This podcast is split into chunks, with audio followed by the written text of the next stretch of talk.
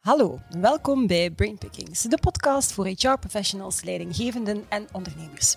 Mijn naam is Leslie, founder van Zigzag HR en elke keer kruip ik in het hoofd van mijn centrale gast om daar ideeën, inspiratie, best en next practices te stelen waar jij mee aan de slag kan in jouw organisatie of in jouw HR-team. En vandaag kruip ik in het hoofd van een bijzonder straffe madame, Yamina Crossa. Yamina is voor mij echt het levende bewijs dat één mens wel degelijk het verschil kan maken. Ze werd uitgedaagd op haar fysiek welzijn, ze overwon borstkanker. Ze werd uitgedaagd op haar financieel welzijn, ze groeide op in armoede. Maar als het gaat over mentaal en over sociaal welzijn, is ze ijzersterk. Met haar VZW Benetiet veranderde ze de wet in het voordeel van borstkankerpatiënten. Met Jar Vlaanderen, waar ze lang gewerkt heeft, veranderde ze het leven van kwetsbare jongeren. En elke negatieve ervaring in haar leven wist ze om te buigen tot iets positiefs dat uiteindelijk veel groter is dan haarzelf. Ik denk dat dat is wat Taleb bedoelt als hij het heeft over antifragiliteit in zijn boek. Antifragiel zijn is eigenlijk meer dan veerkrachtig zijn. Veerkrachtig zijn betekent dat je bestand bent om om te gaan met tegenslagen. Maar antifragiliteit betekent dat je er niet alleen tegen bestand bent, dat je niet alleen recht veert, maar dat je er ook nog veel sterker uitkomt. Ik leerde Jamina zelf kennen een aantal jaar geleden in Kopenhagen, toen we toevallig recht over elkaar zaten in een restaurant. Toeval bestaat niet, heb ik ondertussen uh, ondervonden. En echt waar, ganse avond hing ik in, aan haar lippen. Ze zet zich altijd in voor anderen en voor het grotere goed. Ze ziet een onrecht, ze bijt er zich gepassioneerd in vast tot ze haar doel bereikt, vaak tegen beter weten in. Zet u dus maar schrap, want dit wordt een bijzonder straffe podcast. Dag Jamina. Dag Leslie. Hallo. Wat een intro. ja, maar wat een, wat een dame. Echt waar. Ik meen elk woord wat ik, uh, wat ik zeg. En ik denk iedereen die jou kent en iedereen die na deze aflevering jouw verhaal gaat gehoord hebben, uh, gaat dat ongetwijfeld ook zeggen. Ja. Ik weet het niet, we zullen het zien. We gaan het zien, ja. Het is, uh, het is in ieder geval onwaarschijnlijk voor veel mensen dat je al het verschil uh, hebt kunnen maken. En er zijn heel veel projecten die natuurlijk onze aandacht vragen, maar de projecten waar jij je voor inzet, ja, het is heel duidelijk dat die heel dicht hè, bij jou staan. Kan je bijvoorbeeld iets meer vertellen over die projecten? Ik denk aan Benetit, Jamina Crossa Fonds, maar misschien zijn er nog een aantal zaken. Ja, ja, ja. Benetit is inderdaad een VZ2 die ik heb opgericht en die is ontstaan nadat ik zelf borstkanker heb gehad. Mhm. Dus ik heb daar een hele behandeling doorgemaakt en mijn borsten zijn geamputeerd. En zoals de meeste vrouwen wiens borsten geamputeerd zijn, wou ik graag twee nieuwe borsten. En zo kwam ik eigenlijk te weten dat die ingreep wel bestond, maar dat die 5000 euro zou kosten en niet terugbetaald was. En ik vond dat echt een ongelooflijk onrecht. Uh, dus ik heb geprobeerd om voor mezelf een oplossing te vinden door na mijn behandeling een benefiet te geven in plaats van een verjaardagsfeest. En ik heb aan alle gasten gevraagd om te overwegen als ze een cadeautje zouden kopen, om misschien anders in de plaats een stukje tiet te kopen. en eigenlijk wat dat heel ludiek is begonnen, was, mhm. was heel indrukwekkend om te zien hoe dat we eigenlijk op twee, drie weken tijd hadden we die 5000 euro bij elkaar. Ja. En dat toont toch aan dat mensen heel graag andere mensen willen ondersteunen, mhm. zeker als je een moeilijke periode doormaakt. We weten niet altijd wat we moeten doen, maar doordat er eigenlijk een aanbod kwam van kijk, dit zou je kunnen doen voor mij, mhm. daar gingen de mensen allemaal op in. Dus dat was echt fantastisch om, om mee te maken. En um, het idee voor Benetit was al een beetje ontstaan toen ik zag dat al die giften zo binnenkwamen. Ik dacht mhm. van, oh, misschien kunnen we zo één andere vrouw helpen, in de zin van, wat ik heb gekregen, kan ik dan teruggeven.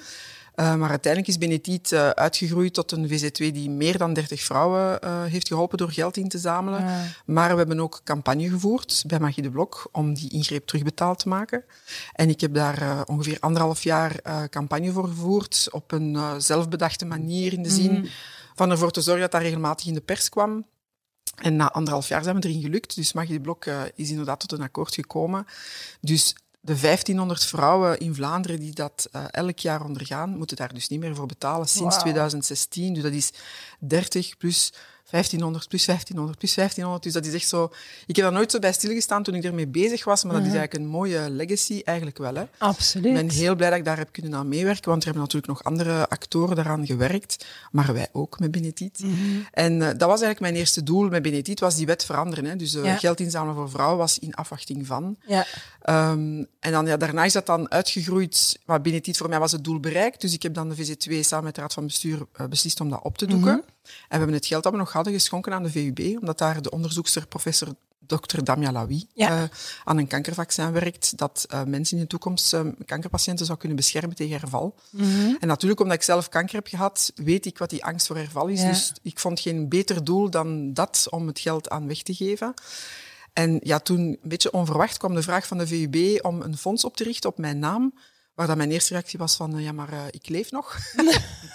is dat niet als je dood bent? Maar dat kan dus ook bij leven. Uh -huh. En uh, dus ja, zo is het VUB Jamina Crossa Fonds ontstaan, wat helemaal niet mijn bedoeling was, mm -hmm. maar waar ik wel heel gelukkig mee ben, omdat wij echt uh, het onderzoek van Damja serieus kunnen een, een duwtje geven. We ja. zitten nu al aan quasi 200.000 euro. Wow. En daar ben ik toch wel heel trots op, ja. Terecht. Dus wat dat daar eigenlijk, uh, waarom dat, dat mij dicht bij mijn hart ligt, is omdat ik het natuurlijk zelf heb ja. meegemaakt. En daar kun je natuurlijk ook de lijn trekken naar het feit dat ik ben opgegroeid in een moeilijke omstandigheden, moeilijke gezinssituatie, uh, leven op de rand van de armoede.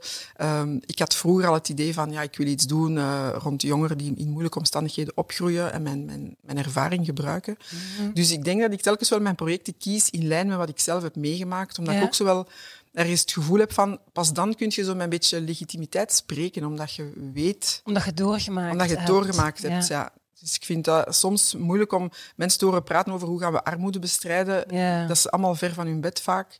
Hoe ga je dat dan weten wat het is en, en sterker nog er iets aan doen? Mm -hmm. uh, pas op, ik ben tevreden met alle initiatieven die gebeuren rond Ja. armoedebestrijding, maar dat ligt mij heel nauw aan het hart. Dus ik kies mijn projecten ook wel zo. Ja. Want ik krijg soms wel vragen rond andere soorten projecten en dan voel ik dan voel ik het niet zo, omdat het zo ja, niet dicht bij mijn hart is. En dan Nee. ga ik daar meestal niet op in. Nee. Maar ik verwijs ze wel voort in mijn netwerk. Ah, Ik voilà. weet wel iemand. Voilà. Zo, En zo gaat je uiteindelijk toch weer op die manier mee het verschil maken. Dus, Ja, eh, op een eh, kleinere manier, maar ja, toch wel. maar elke manier helpt. Hè. Elke Zo manier is relevant. Ehm, ja, je zei er net zelf ook al, en eh, denk ik bij de introductie ook, dat je opgegroeid bent inderdaad op de rand van, eh, van armoede. Mhm. ja, en toch ben je daar als alleenstaande moeder zonder hulp uitgeraakt. Ja, dan vraag ik me af, wat zijn daar de belangrijkste hefbomen in geweest? Hè? Want hè, ook weer als niet-ervaringsdeskundige mensen zeggen, ja, dat, dat, dat, dat. Maar hoe heb jij dat dan ervaren? Ja, de, de moeilijkheid was... Dus ik ben opgegroeid in moeilijke omstandigheden met een, een mama die altijd op de foute mannen viel, financiële problemen. Um, en ik had altijd al, al van jongs af aan het gevoel van, ik wil, ik wil daaruit. Ik wil, Ja. ik wil niet zeggen daarboven, want ik voel me daar... Nee. Je bent niet beter dan iemand die in armoede leeft. Maar ik wou daaruit. Ik Ja. kan het niet anders zeggen. Maar ik had altijd het gevoel dat dat zo... De, die uitdrukking, vechten tegen de bierkaai... Mhm. Dat voelde ik heel erg zo. Van, bijvoorbeeld, wij, wij verhuisden naar Brussel en ik werd dan ingeschreven in een school, maar er werd niet gekeken naar wat kan Jamina? Nee, welke is de dichtstbijzijnde secundaire school? En daar werd ik dan ingeschreven. Dus er zijn zo verschillende dingen gebeurd die eigenlijk maakten van, waar ik het gevoel van kreeg van het gaat niet lukken om eruit te komen. Maar toch had ik altijd die overtuiging, misschien tegen beter weten in, van ja, ik wil daar wel geraken. Zonder te weten of ik daar ga geraken, was dat nog altijd wel mijn, mijn visie naar de Ja. toekomst, zeg maar. Maar ja, dan ben ik 16 geworden, want ik had me eerst dan nog laten plaatsen via toen, eh, destijds noemde dat nog Comité voor Bijzondere Jeugdzorg, Mhm. omdat ik wist van die thuissituatie is niet oké, dus ik heb mezelf laten plaatsen. Allee, toch redelijk revolutionair, er was nog niet Ja. veel gebeurd toen. Ehm, en ja, en dan, dat lukte niet zo goed, maar dan ben ik gaan samenwonen met mijn toenmalige vriend. Ja, en toen was ik 16 en toen werd ik zwanger. Dus weer zoiets dat ik dacht van, damn, ik ga hier echt in die, in die laag, alleen niet, niet eh, disrespectful bedoeld, Mhm. maar ik ga daar blijven in steken. Maar ondanks dat gevoel heb ik toch nog altijd blijven geloven van, ja, ik moet gewoon. En zeker nu dat ik een kind had, want toen is er een leeuwin, je Ja. ziet dat met haar, een, een leeuwin eh, ontwaakt eh, Mhm. voor mijn kind. Ik wou absoluut niet dat hij zou meemaken wat ik had meegemaakt, Ja. om in armoede op te groeien en bepaalde dingen niet te doen. Dus ik wou echt wel daar een shift in doen. Maar als je de literatuur daar rond leest, het duurt vaak vier generaties om dat om Ja. te keren. Dus ik heb ergens, ik weet niet, ik wist dat toen niet. Dus je weet wel die uitdrukking van, ik wist niet, eh, ik wist niet dat het niet kon en toen deed ik het gewoon. Ja, ja, hè. ja. ja. Dus dat was voor mij zo belangrijk dat dat eigenlijk mijn, mijn missie werd, mijn visie voor de toekomst van het moet gewoon. Dus, ehm, Ja. En ja, wat dan belangrijk is geweest om daaruit te geraken, in eerste instantie dacht ik van, ik moet een diploma halen, want ik had geen diploma secundair onderwijs. Dus ik ben eerst eh, naar de avondschool gegaan, tweede kansonderwijs. Maar ja, ik moest dan de babysit betalen. Als je zo echt van weinig geld leeft, zelfs die 60 frank per uur dat dat toen was, was echt een streep door mijn ja. rekening. Dus uiteindelijk heb ik dat in zelfstudie gaan doen voor de examencommissie. En dat is gelukt. ja. En ja, ik, had, ik denk dat dat meer een idee fictie in mijn hoofd was van ik moet dat diploma hebben, want op zich heeft dat niet zoveel veranderd. Hetgeen dat het Hmm. verschil heeft gemaakt, is één, kansen zien als je ze krijgt. En als je dat ze ligt ziet, bij jezelf gewoon. Dat ligt bij jezelf, ja. dat is attitude. En als je ze ziet, ze ook grijpen. Mhm. Want ik weet nog toen, uh, ik denk dat het 94 was, mijn zoon was twee jaar, ik was 19, ik vond geen werk. Alle dagen naar alle interimbureaus Mhm. en dan krijg je soms eens een aanbod van ja, onze poetsvrouw is ziek, wilt je het kantoor poetsen? En dan moet je even je, je trots inslikken en ik heb alle respect voor dat werk, maar dat is niet zo het werk dat ik wou doen. Um, en uiteindelijk een kans gekregen om een job te doen als, uh, wat was het, order input bediende, dat ik dacht van, Mhm. allee, uh, bestel, bestellingen intikken, maar ik dacht, ja, ik ga dat doen, hè. Ja. En, en dat heeft eigenlijk um, de verandering teweeggebracht. Werken. Ja, werken. werken. En een kans krijgen en ze nemen. En, en ja, ik denk niet dat je dan al van werkgeluk of zo kunt spreken, Nee, maar nee. gewoon, ja, je bent aan het overleven en je zoekt een inkomen. En ik ben super blij dat ik die kans heb gekregen toen. En dat heeft eigenlijk het begin uh, verder gezet. Maar ja, werken is voor mij toch wel een belangrijke hefboom. hefboom. Ja, belangrijker dan een diploma. Want het is inderdaad die idee fix. En we moeten het diploma. En, en dan als je diploma maar haalt, dan, dan, dan komt de rest vanzelf. Maar dat is natuurlijk niet altijd nee, uh, nee. En dan zo, wil hè? ik toch nog de dualiteit zeggen dat het op vandaag, merk ik nog, want ik ben Mhm. nu ook een nieuwe uitdaging aan het zoeken, dat net omdat ik geen hoger diploma Mhm. heb, hè, want ik was er wel mee begonnen, maar toen ben ik ziek geworden, um, dat dat toch een rem is voor sommige organisaties om, om jezelf toe te laten, terwijl ik denk van, maar zie eens wat ik allemaal Ja, gedaan heb. ja. Kijk eens wie hier voor u staat. Ja, ja, ja. Hoezo, jij geeft mij geen kans? dat me nog altijd inderdaad te veel op dat diploma. ehm, ja, ik, ik vrees dat, dat je daar gelijk in hebt. Maar ik meen me te herinneren dat er toch wel iemand was die jou echt die kans had, had gegeven. De eerste keer was dat nu Hilde Haams. Dat was Hilde ja, Haams, inderdaad. eh, de toenmalige eh, HR-directeur bij Ja. En daarna Mhm. Start People. Ehm, ik herinner me dat als ik ging solliciteren en ik had mijn cv, mijn cv bij, Mhm. het, het lijntje van de examencommissie die had ik veel kleiner gemaakt. Ja, dat ze het niet zouden zien. Dat ze, het niet, Ja. dat ze erover zouden kijken. Ja. Maar zij is eigenlijk de eerste die tegen mij heeft gezegd van ja, maar leg dat eens uit, wat is dit juist? Dan ben ik dat beginnen uitleggen en ze zei van ja, maar je zou dat net in het vet en in het groot moeten Ja. schrijven. Dat je zo in moeilijke omstandigheden toch je diploma hebt gehaald. En dat was voor mij een nieuwe manier om daarnaar te kijken. Ja. Ik vond dat echt wel straf, want tot daarvoor was ik er eigenlijk beschaamd over. Ja. Ja, je noemde dat zelfs denk ik in een van onze eerdere een ploeter. Een ploeter-cv, ja, ja, ja. Een ploeter-cv, ja. Je, Ja. je, hebt, je hebt mensen die een heel mooi cv van studies en Mhm. de ene job na de andere. En je hebt mensen die daar gaten in hebben of ja, Mhm.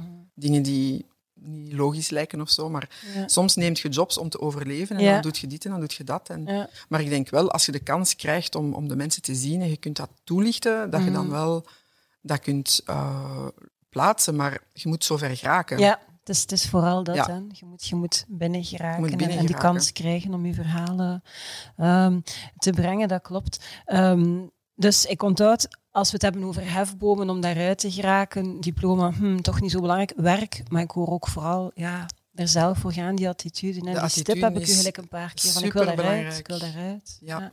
En soms moet je dan keuzes maken die niet zo logisch lijken. Want Mhm. ik herinner mij, de eerste job die ik eh, kreeg toen ik 19 was, en dat ik, eh, Mhm. want dat was toen nog niet bij, bij Crijfs, ehm, was, was toen met die orderbediende, dat was bij Mhm. Vetoquinol. ehm, en ik weet nog, ik, kreeg, ik was alleenstaande met mijn kind en ik kreeg dan 43.000 frank Mhm. uitkering. En die job die ging mij 38.000 frank betalen. Maar dan moest je ook nog de lijn betalen, de kribben betalen, Ja. de stress van heen en weer. Mhm. Maar ik had zo echt het idee van, ja, mensen zullen dat wel begrijpen als je kiest voor de uitkering. Maar ik dacht voor mezelf van, maar dan ga ik daar misschien in blijven hangen. Mhm. Ik wil echt wel vooruit. Ja. En ik, ik, ja, zonder te weten of dat ging lukken, dacht ik van, ja, ik ga toch voor die job kiezen die minder betaalt, dan serieus minder betaalt. Mhm. Maar uiteindelijk was dat wel the way out, ja, werk. werk. Ja, ja. En ik wil niet zeggen per se dat diploma's niet helpen. Nee, Dat zal wel helpen, maar op, in mijn geval heeft dat niet per se geholpen. de doorslaggevende Nee. factor geweest. Nee. Mhm. Ehm, we gaan even libellen spelen. De drie grote mijlpalen uit Hmm. uw leven. Dat is de typische vraag die je in, in dergelijke magazines ziet. Dus zeg, zeg HR gaat ook zo'n keer aan. Voilà. De drie grote mijlpalen in uw leven. Jamina, wat waren dat? Of wat zijn dat?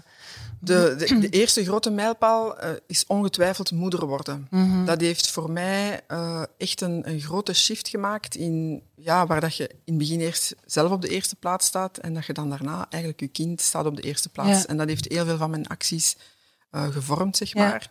Ehm, heel veel van mijn, mijn doorzettingsvermogen was, was voor de toekomst van mijn kind. Ik vond dat heel belangrijk dat hij niet in armoede opgroeide. Dus dat is zeker een heel grote mijlpaal. Dan misschien raar om te zeggen, maar de borstkanker die ik heb gehad Ja. is ook een mijlpaal. En ik spreek niet graag van borstkanker overwonnen, want het is nu wel zeven jaar geleden. Ja. En houd vasthouden dat het eh, niet terugkomt.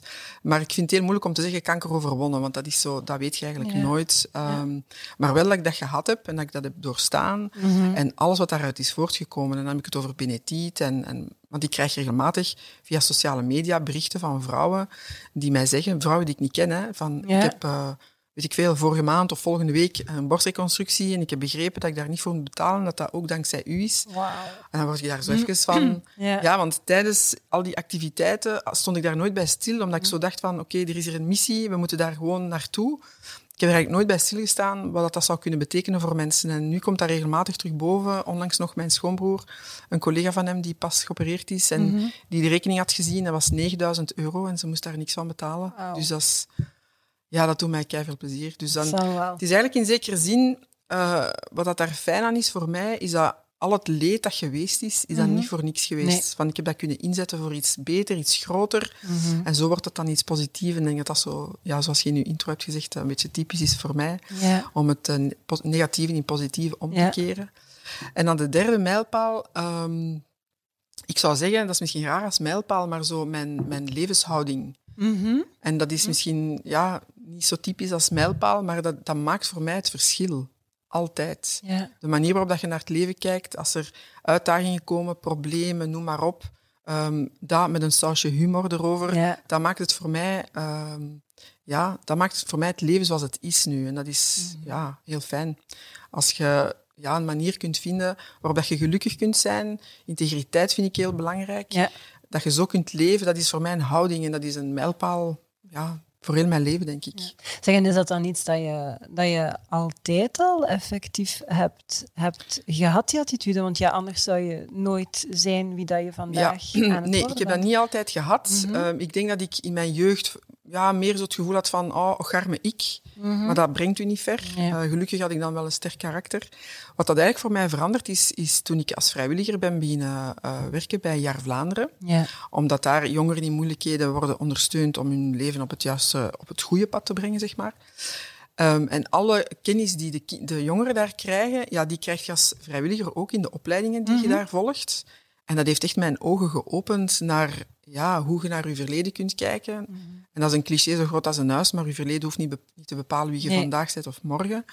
Maar dat, was, dat kwam voor mij heel hard binnen. Zo, van, je kunt blijven leven. Eh, Het idee van de rugzak. Hè, mensen denken van ja, iedereen heeft een rugzak. Maar wat ik heb ingezien is, je kunt die rugzak hebben, maar je moet die niet altijd dragen. Je kunt die rugzak ook afdoen en hem daar tegen de muur zetten. Ja. En dan heb je ook je rugzak, maar dan hoef je die niet altijd te sleuren. Zo. ja, mooi beeld. En dat, vind ik, ja, dat vond ik een heel mooi ding. Allee, dat is het gevoel dat dat voor mij heeft veroorzaakt. En, en van, te, van te denken van, oké, waar wil ik naartoe in mijn leven? Wat voor iemand wil ik zijn? Dat je dat uitspreekt en dat je dan daarnaar leeft. Dus in zekere zin zijt je daar nog niet, maar je leeft ernaar en dan word je het. ja. En dat, dat heeft voor mij heel veel veranderd. Dat, naast al het werk dat ik bij JAR heb gedaan, maar dat heeft voor mij... Ik zeg altijd, toen ik vroeger infoavonden gaf over Jaar Vlaanderen, er is mijn leven voor jaar en vanaf jaar. En dat klinkt misschien melig, maar dat is echt zo. ja. Dus dat heeft wel ja, heel veel verandering gebracht. Dat je niet meer slachtoffer bent van wat u is aangedaan of wat u niet is aangedaan. Of Maar dat je zelf impact hebt over. dat je zelf, ja, we zijn geen weerloze mensen. Hè? Allee, dus je Nee. kunt in een situatie zitten waar je niet veel kunt aan doen, maar u, hoe dat je erin staat en daarnaar kijkt, dat Ja. kun je wel Ja. ehm, beïnvloeden. Hè? Een bril maakt het verschil, zeggen we zo af en toe een Ja. Je kiest er zelf voor welke bril dat je, Ja, natuurlijk. dat je, dat je op hebt. hè. Ehm, netwerk, we moeten het daar zeker over hebben. De kracht van netwerk eh, kent jij. Je hebt er sowieso hebt er ook een boek over, Ja. eh, over geschreven. Waarom is een netwerk hebben zo belangrijk? Wat heeft het u concreet bijvoorbeeld zelf al opgeleverd, als ik dat zo mag zeggen? Ja. ja, als het over netwerken gaat, en zeker als je zegt oplevert, Ja. er leeft zo het idee van netwerken is eh, opportunistisch. Ja. En daar ben ik het absoluut niet mee eens. En ik kan me voorstellen dat er mensen zijn die op die manier netwerken. Maar als ik ergens naar een netwerkevenement ga of met iemand aan de babbel ga, dan is dat niet van, oeh, kan ik daar eh, geld voor mijn fonds krijgen of kan ik dit of kan ik dat? Nee, dan kijk je van, oké, waar zeg jij mee bezig? Waar ben ik mee bezig? Wat kunnen wij voor elkaar betekenen? Ja. En dat is gewoon zoveel straffer. En ik denk dat ik dat vooral heb ontdekt tijdens eh, mijn borstkanker. Omdat ik toen eh, ja, een hele behandeling heb gehad. Dat is zeker vijf, zes maanden dat ik buiten strijd was. En dat ik daar heb gemerkt dat de mensen rond mij, die wilden allemaal graag iets doen.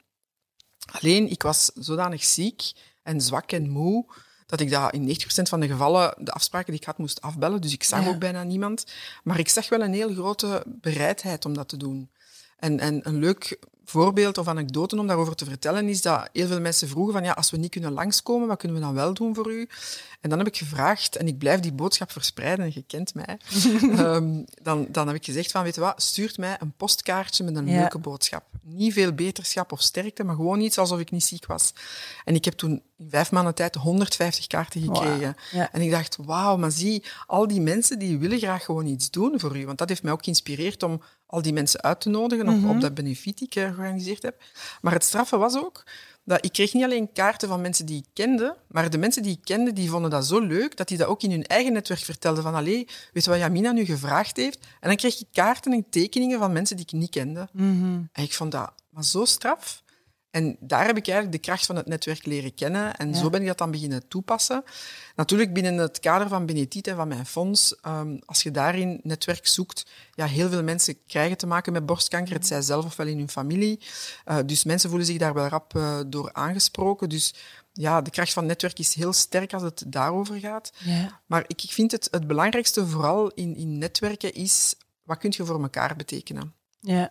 Dat is voor mij... Het, want ik, ik zou, niet, ik zou mij niet goed voelen in alleen maar krijgen zo, of vragen. En, en, terwijl daarnaast is er ook wel het, het aspect van hulp vragen. Ja. Dat mensen dat vaak zien als een, als een zwakte. Maar ik heb echt ervaren, als, toen ik heb gevraagd om die kaartjes te sturen, of toen ik heb gevraagd om een stukje tijd te kopen voor, voor mijn borstreconstructie, mensen waren mij dankbaar dat ik die vraag had gesteld. Want iedereen vraagt zich af, wat kunnen we nu toch doen? En als je iemand in je omgeving kent die ziek is, waar dat je zelf van denkt van, tjie, wat kan ik nu toch doen? Ah, wel, stuur dan een kaartje om te beginnen. Hè? Want het, het fijne is ook, dat vraagt geen antwoord. Je stuurt dat gewoon en die persoon heeft dat. En dat is, ja, dat is een golf, een ripple effect. ja, Dat is absoluut. super fijn. En wat ik daar misschien zelfs ook mooi aan vind, is ja, in eerste instantie als alles digitaal en snel en vluchtig is, dan is het, het schrijven van een kaartje, daar tijd voor maken. Ja. En dus ik denk dat dat vandaag de dag het kostbaarste is geworden. Hè? Tijd, het gegeeft tijd, gemaakt tijd om een kaartje uit te zoeken, te kopen, iets op te Ja. schrijven, postzegel te gaan halen Ja. en naar de brievenbus te brengen. Eigenlijk wat daarachter zit, is, is, is ik maak tijd voor u. Ja, Je bent belangrijk voor mij. Absoluut. Ja. En, en zelfs als, als, want voor sommige mensen kaartjes kopen, want dat kost ook allemaal geld Ja. en postzegels. Het is zelfs iets dat je zelf kunt knutselen thuis. ja, Hè? En je kunt het in de bus gaan steken, dus het hoeft niet eens Nog iets te kosten. Ja. En voor de ontvanger, wat dat heel fijn is, want tijdens mijn behandeling kreeg ik achteraf zo wel berichten of mensen die mij zeiden van maar ik heb je zo dikwijls een sms gestuurd, Mm. of via WhatsApp, of via Instagram. Maar ik was daar gewoon te moe voor om dat te Mm. zien. En ik vergat dat daarna ook. De chemobrain doet dat je allemaal dingen vergeten. En gewoon iets tastbaar hebben, hè, dat je op je kast kunt zetten. En Ja. bij mij, ik, ik ging dat tegen de muur, en dat was mijn wall of happiness. En Oh, mooi. ja, op slechte dagen kon ik er alleen naar kijken en op, op goede dagen kon ik de kaartjes lezen. En dat was ja, super fijn. Ik had soms echt het gevoel van, die mensen die staan hier zo rond mij. Ja. Ja, dat was Ja. echt wel heel mooi. Dus als mensen luisteren, en dat hoeft niet altijd per se iemand te zijn die ziek is, hè. dat kan ook een- iemand zijn die aan het studeren is, of een scheiding doormaakt, of trouwt, of een kind krijgt. Van, denk eens een keer aan een kaartje in plaats van een sms, want dat is Ja. zo vluchtig en dat blijft Klopt, niet hangen. Hè. Dus- Klopt. Ja, en het hoeft zelfs niet eens naar, naar aanleiding van een crisis of, of een Nee. specifieke situatie te Zeker zijn. nu in de coronatijden. Hè.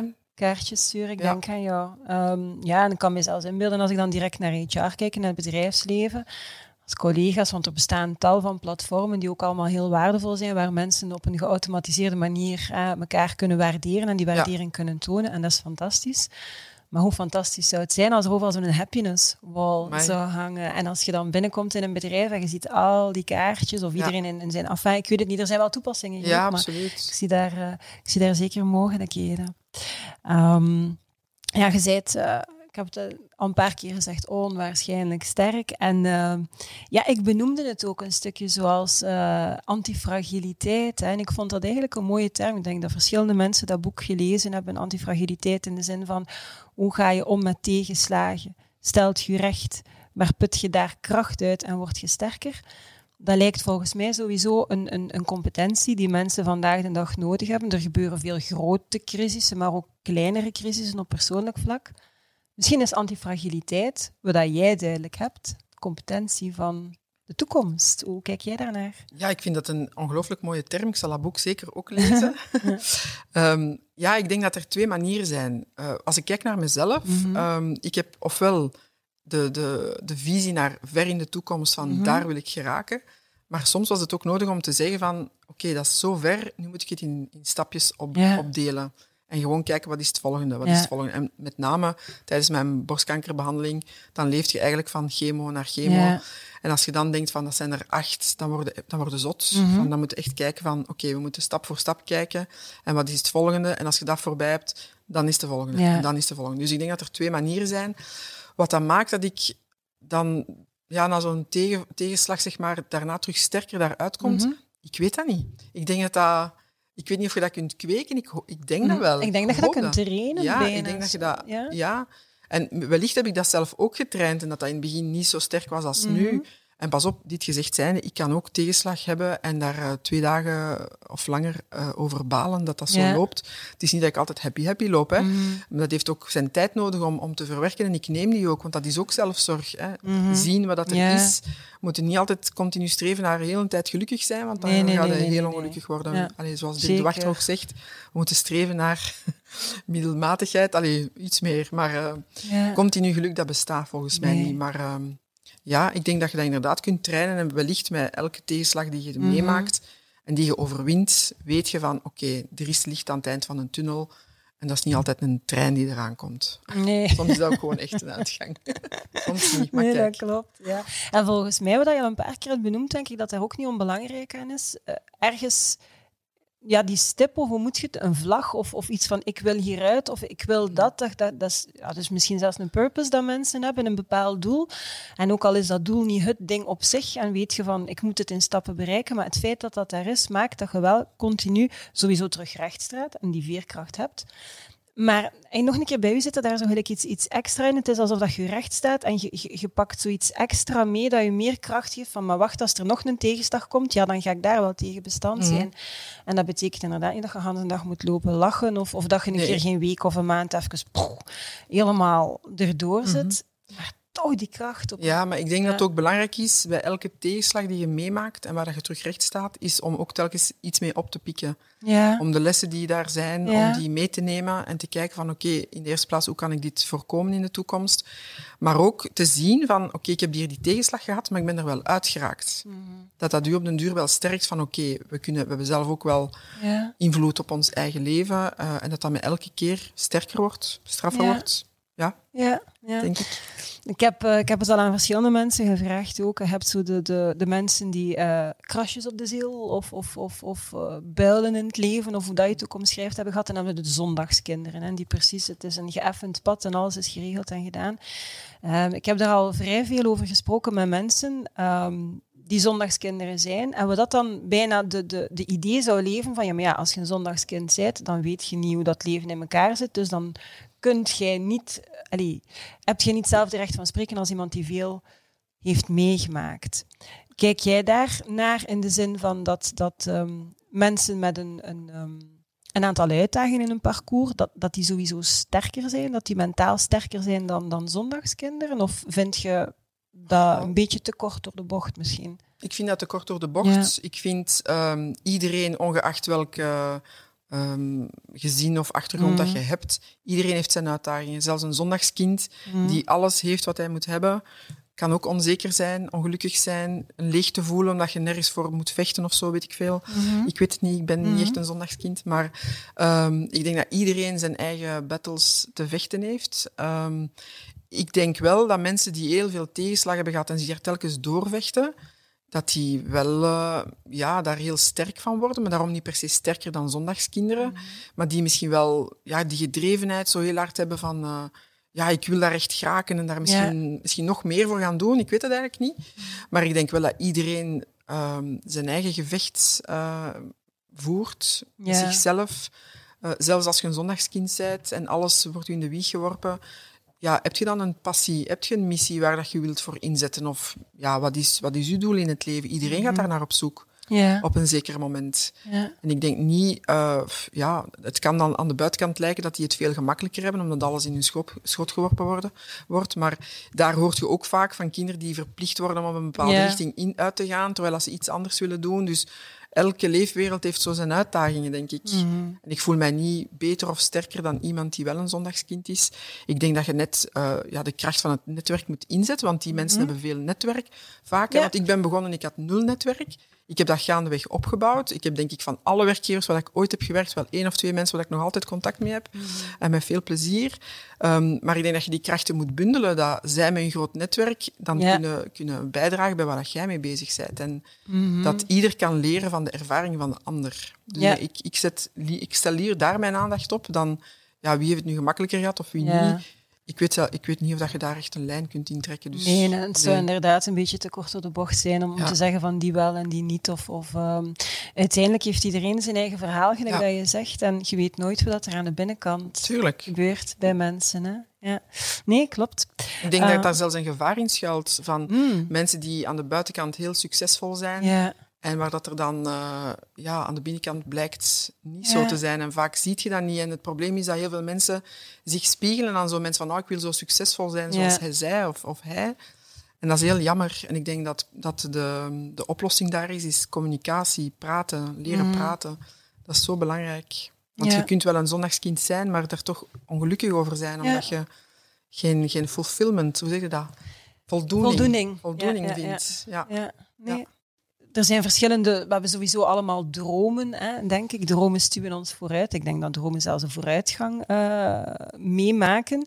Met een droom hebben dat volstaat natuurlijk niet. Je moet doorzetten, je moet elke dag pushen. Ik had daar zo'n heel mooie omschrijving voor eh, gelezen in eh, het boek van eh Kathleen Stobbelaar en Marion de Bruyne, die vorige maand zijn langs geweest. Geduldig ongeduld noemt dat dan. Dus je moogt ongeduldig zijn, maar je moet geduldig zijn in die ongeduldigheid.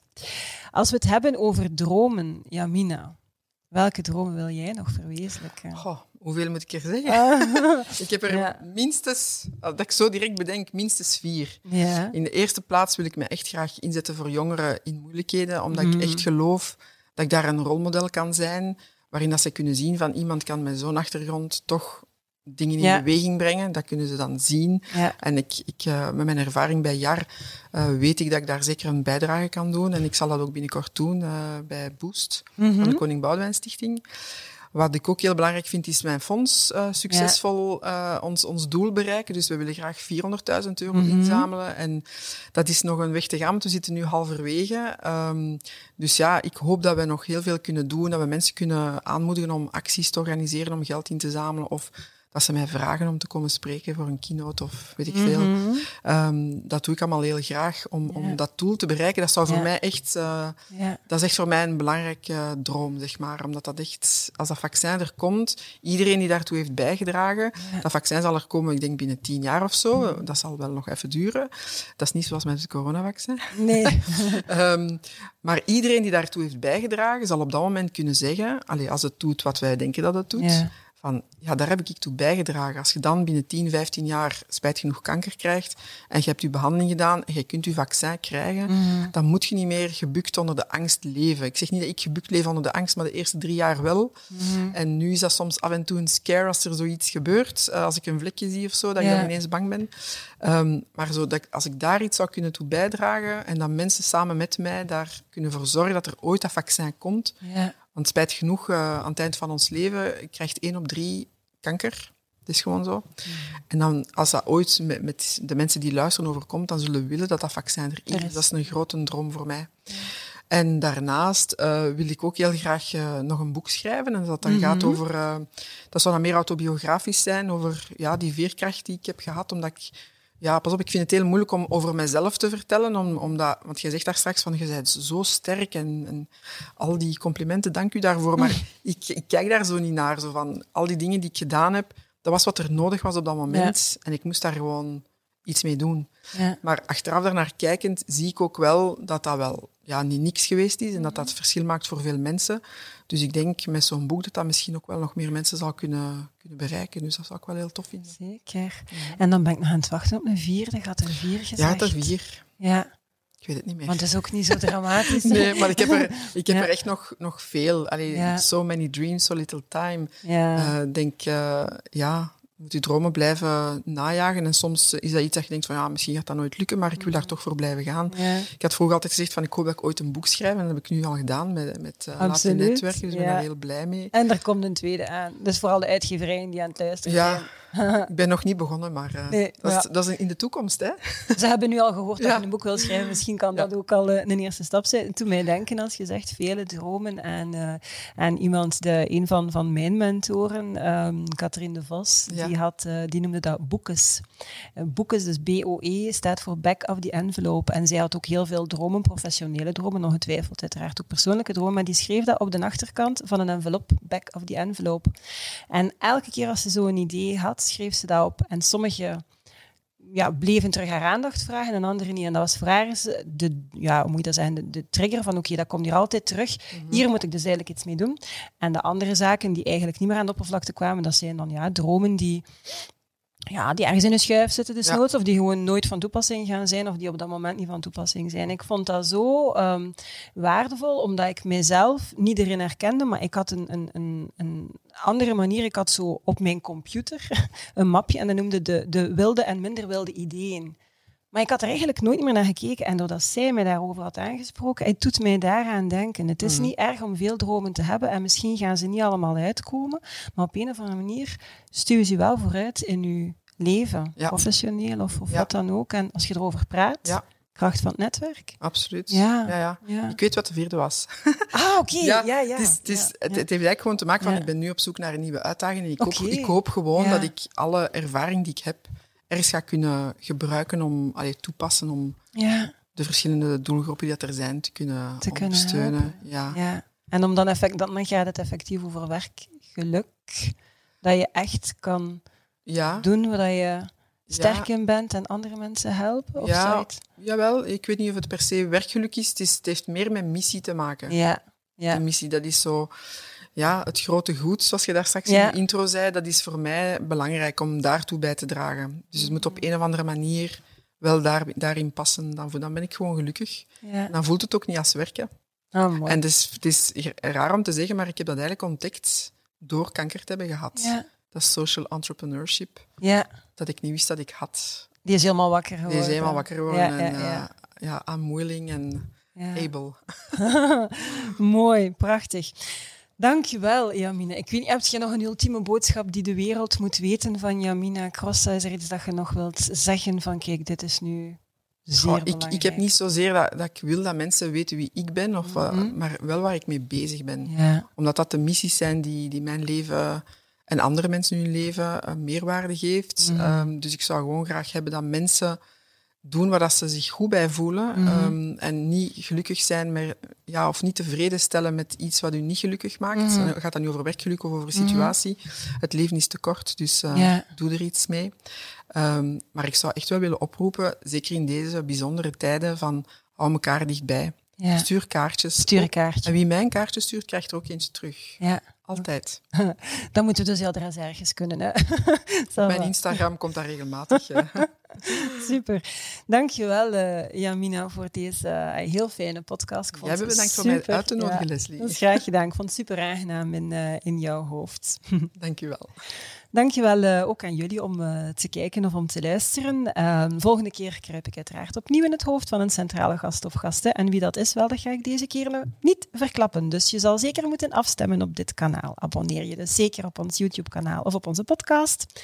Heb je honger naar nog meer? Surf naar onze website, abonneer je op onze nieuwsbrief of beter nog, join de community van Zigzag HR en abonneer je op ons tijdschrift. Maar het allerbelangrijkste, don't forget, it's a great time to be in HR. Tot de volgende! Thank you.